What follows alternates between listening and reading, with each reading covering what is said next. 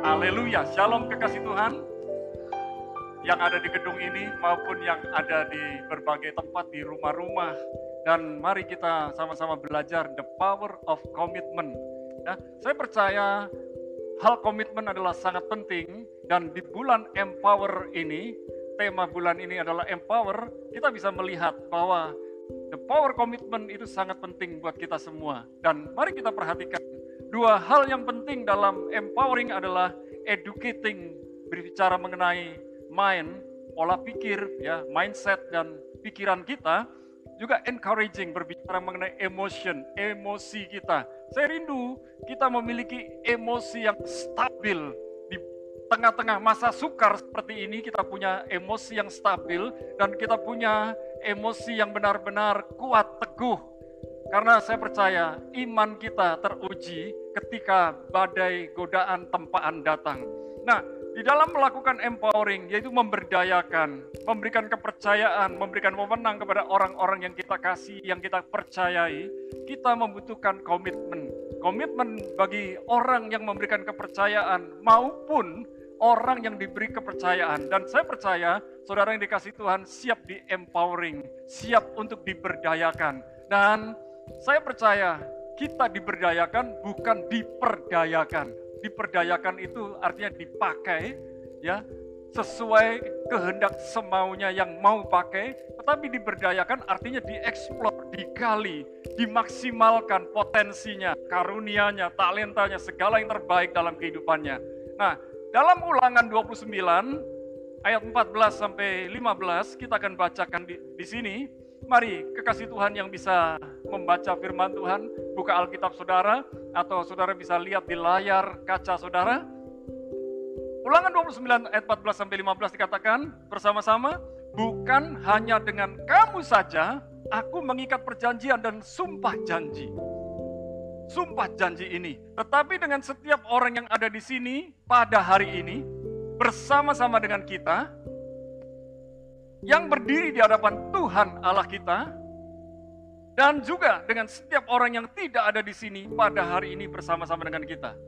Nah, maukah saudara melakukan satu hal yang luar biasa, yaitu mengikat perjanjian dan sumpah janji. Artinya sumpah janji ini bukan sumpah swear itu bukan, ya itu kadang-kadang orang lebay lah swear. Enggak, enggak, enggak, enggak model yang begitu. Tapi betul-betul kita ini berjanji kepada Tuhan. Komitmen itu ikatan perjanjian dengan Tuhan. Nah, bukan hanya dengan kamu saja, bukan dengan Anda saja aku mengikat perjanjian dan sumpah janji ini. Mari kita ambil komitmen bersama-sama. Tetapi dengan setiap orang yang ada di sini. Pada hari ini, bersama-sama dengan kita, yang berdiri di hadapan Tuhan Allah kita dan juga dengan setiap orang yang tidak ada di sini pada hari ini bersama-sama dengan kita. Artinya, mungkin yang di rumah-rumah maupun yang di dalam gedung ini, di mana pun Anda berada, mari kita ambil tekad komitmen bersama-sama. Ya, dan kita pelajari apa itu komitmen. Komitmen yaitu perjanjian, merupakan keterikatan untuk melakukan sesuatu atau kontrak. Dan ikatan perjanjian Salah satunya bicara tentang ikatan perjanjian, bicara tentang covenant, berbicara mengenai perjanjian. Yang paling penting adalah perjanjian kita dengan Allah. Ikatan perjanjian kita dengan Allah itu sangat luar biasa, sangat erat, sangat melekat, sangat intim, sangat karib. Dan ikatan perjanjian yang kedua yang sangat luar biasa yaitu ikatan perjanjian pernikahan. Ketika hamba Tuhan berdoa, omong-omong yang di sini yang sudah menikah, waktu menikah diberkati, betul? Waktu kurus dan gemuk, ya, waktu susah dan senang, betul? Sehidup, semati, till death do us part.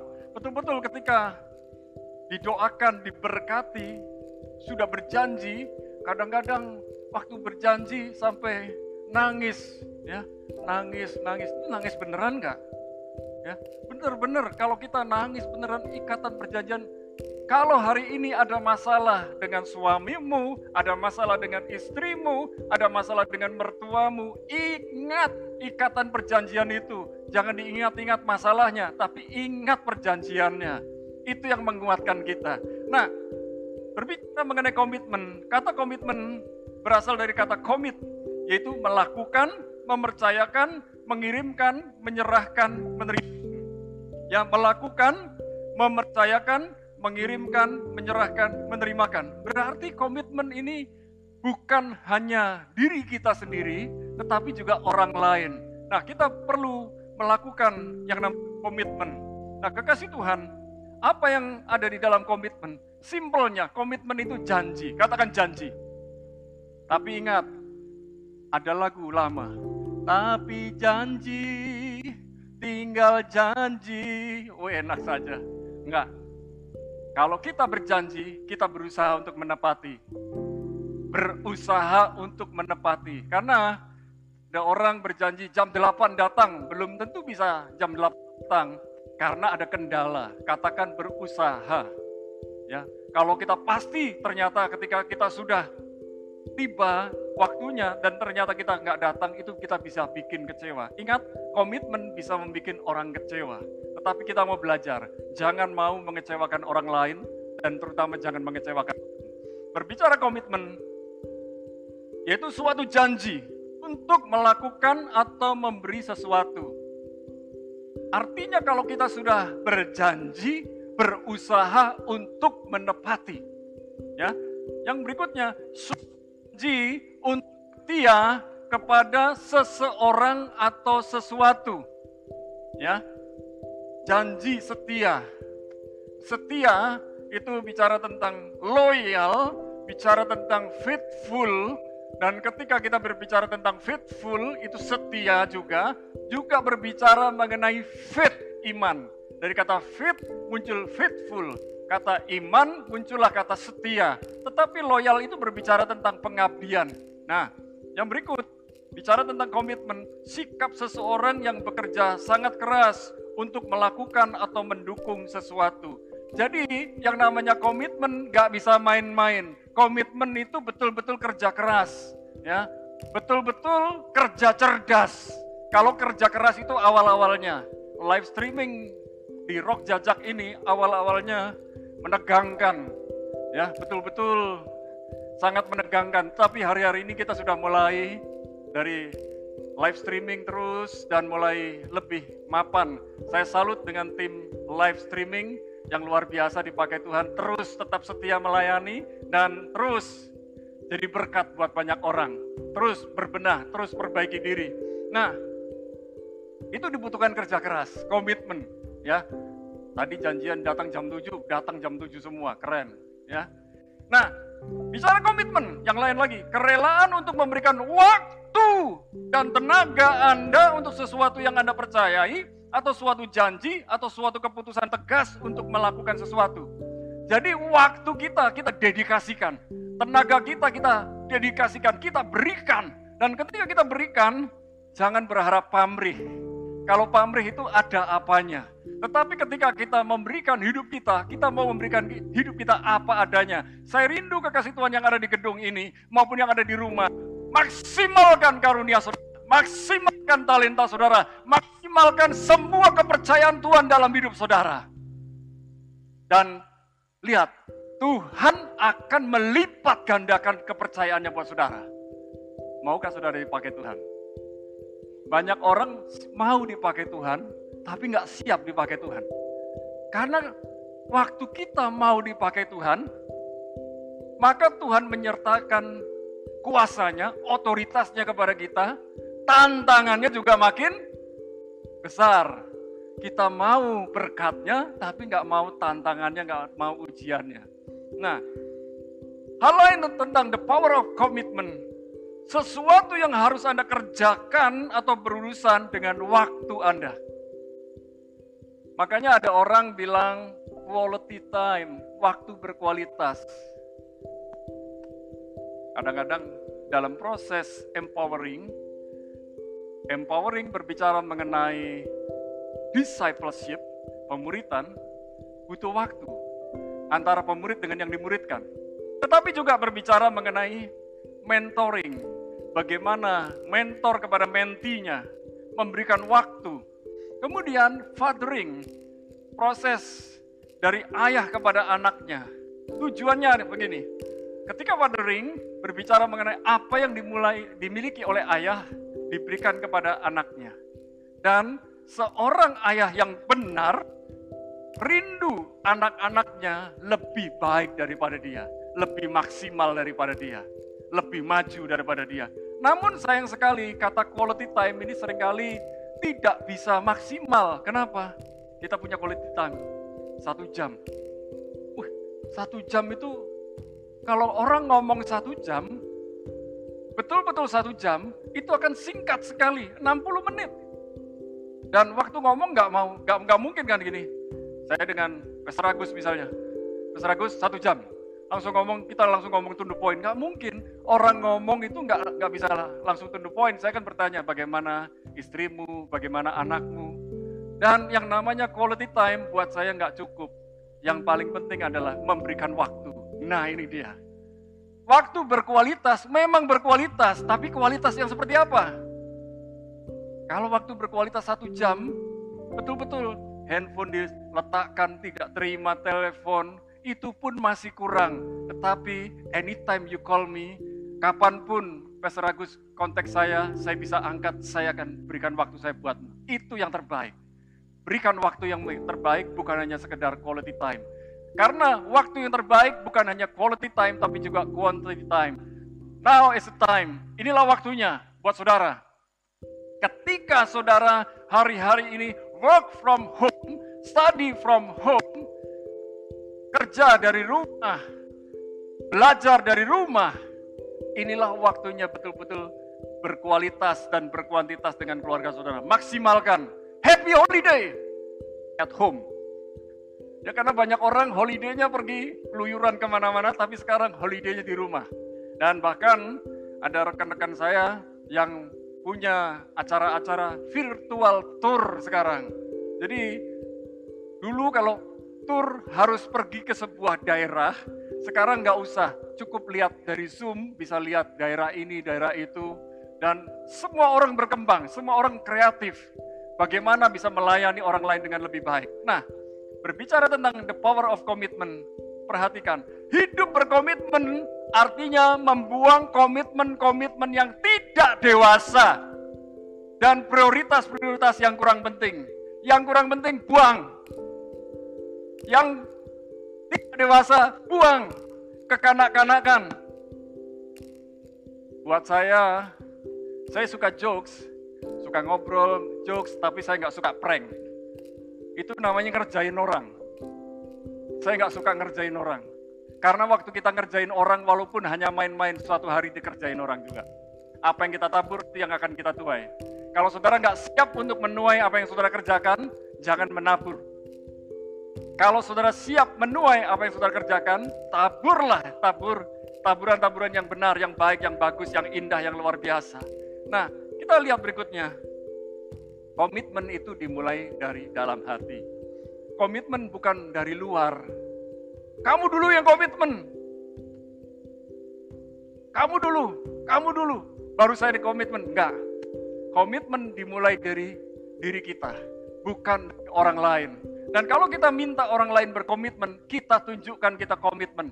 Dan komitmen tidak hanya sekedar kata-kata, tapi perbuatan. Kata-kata didengar orang, tapi orang menunggu buktinya. Dan ketika kita tanpa berkata-kata kita sudah menunjukkan komitmen kita, maka kita menjadi influence, kita menjadi pengaruh buat orang lain. Dan perhatikan baik-baik, orang tidak perlu menunggu perkataan kita, tetapi orang lebih menunggu perbuatan kita. Perbuatan kita berbicara lebih keras daripada perkataan-perkataan kita. Dan Perhatikan, seseorang yang memiliki komitmen akan memengaruhi dan menginspirasi orang lain. Jadilah inspirasi, jadilah motivasi. Anda akan jadi inspirator dan motivator buat orang lain. Ingat perhatikan baik-baik, garam itu kecil. Tapi garam yang kecil bisa memengaruhi masakan. Garam yang kecil bisa mengawetkan. Bahkan yang namanya iman yang sebesar biji sesawi kecil sekali itu bisa membuat burung-burung bersandar di pohon, yaitu pohon biji sesawi. Ingat, pohon biji sesawi bukan pohon sawi. Itu beda. Ya, di dalam pray from home beberapa waktu yang lalu saya tunjukkan biji sesawi yang sangat kecil. tidak terlihat oleh kasat mata, sangat kecil seperti debu, seperti pasir. Nah, perjuangan Anda tidak akan melebihi komitmen Anda. Bro Budi, waktu dulu ngapelin tis meme gimana? Ya, laut ku seberangi, gunung kan kudaki, betul? Wah ya betul. Ya, walaupun aku nggak bisa berenang, tapi aku aku akan bilang laut kan ku seberangi. Nggak tahu dulu Pastor gimana? ya, ya. Atau ngomong gini, kamu mau sama aku ya syukur, gak mau kebangetan gitu. Kan nggak gitu. Jadi bagaimana memperjuangkan, itu namanya baru pacaran, dating, lalu tunangan, menikah. Tapi yang namanya komitmen kehidupan, berbicara komitmen kita dengan Tuhan, komitmen kita dengan komunitas kita. Sebab komitmen adalah bahan bakar dari perjuangan Anda. Orang yang punya komitmen, dia semangat. Orang yang punya komitmen, dia akan berjuang sungguh-sungguh. Orang yang punya komitmen, dia akan melakukan segala yang terbaik untuk melakukan apa yang dia janjikan, apa yang dia komitmenkan. Nah, komitmen selalu diuji oleh tindakan. Tidak ada kata-kata yang lebih mudah selain mengucapkan kata-kata. Omdo, ngomong doang, itu gampang. Tidak ada yang lebih sulit selain melaksanakan apa yang dikatakan hari demi hari. Arthur Garden bilang demikian. Jadi, ketika kita mulai berkata-kata, bersiaplah untuk melakukannya. Jangan sampai kita bilang, eh ketrucut, eh salah lidah, eh saya slip of tongue. No. Hidup dan mati dikuasai lidah. Siapa suka mengemakannya, dia akan memakan buahnya. Jadi jangan main-main dengan perkataan kita. Lebih baik ada satu pepatah berkata, silent is golden. Diam itu emas. Ya, tapi tindakan-tindakan kita lebih daripada emas.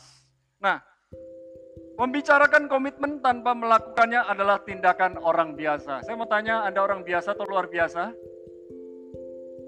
Kita semua sebetulnya orang biasa yang punya Allah yang luar biasa. Tapi ketika kita tahu bahwa kita punya Allah yang luar biasa, maka kita pun menjadi orang yang luar biasa bersama dengan Allah. Yakobus 5 dikatakan, Elia orang biasa, tetapi dia berdoa dengan sungguh-sungguh. Maka tidak ada hujan selama tiga setengah tahun. Dan tiba-tiba ketika dia berdoa, hujan turun. Apakah kita punya komitmen seperti Elia? Apakah kita punya keteguhan hati seperti Elia? Apakah kita punya kehidupan seperti Elia yang sungguh-sungguh di hadapan Tuhan? Elia manusia biasa, katakan saya manusia biasa. Tetapi saya punya Tuhan yang luar biasa. Amin. Kalau bersama dengan Tuhan yang luar biasa, kita akan lakukan perkara-perkara yang luar biasa. Dibutuhkan komitmen. Melakukan komitmen yang telah kita ucapkan merupakan tindakan orang yang luar biasa. Maukah jadi orang yang luar biasa? Amin. Anda yang di rumah, Anda orang yang luar biasa, Anda orang yang spesial, Anda adalah biji matanya Allah. Komitmen selalu diuji oleh tindakan. Komitmen dan tanggung jawab berjalan seiring dalam hidup kita. Komitmen dan tanggung jawab berjalan seiring dalam hidup kita. Tugas bisa didelegasikan, namun tanggung jawab tidak bisa didelegasikan. Jadi, tanggung jawab itu dipegang pemimpin, tetapi semua pekerjaan tidak harus dikerjakan oleh pemimpin. Pemimpin membagi kepada orang-orang yang berkompeten, misalnya kepada Gus, pada Pak Hendra, bermain musik. Saya kalau bermain musik bagus sekali, ya, untuk mengantar tidur tapi kalau Pastor Agus bisa menikmati hadirat Tuhan.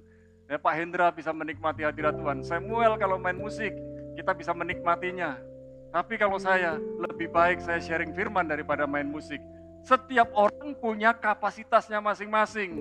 Ya, saya pegang anjing bisa, mandikan anjing bisa. Tapi kalau memandikan anjing, merawat anjing, serahkan kepada Mbak Bella dan Mas Ruby. Ya, itu mereka jagonya. Ya, saya senang lihat anjing, pegang anjing, foto dengan anjing, tapi lebih baik kalau hal perawatan serahkan kepada orang yang tepat. Nah, kita lihat komitmen membuka pintu gerbang kesempatan. Mau melihat kesempatan di depan saudara? Hari ini kesempatan-kesempatan sepertinya tertutup. Lihat kesempatan dalam kesempitan. Hari ini yang kerjanya dulu seminggu bisa tiap hari, sekarang dikurangi seminggu, itu pun tiga hari masuk, tiga hari kerja. Bersyukurlah. Karena banyak orang yang kerjanya seminggu masuk, seminggu libur.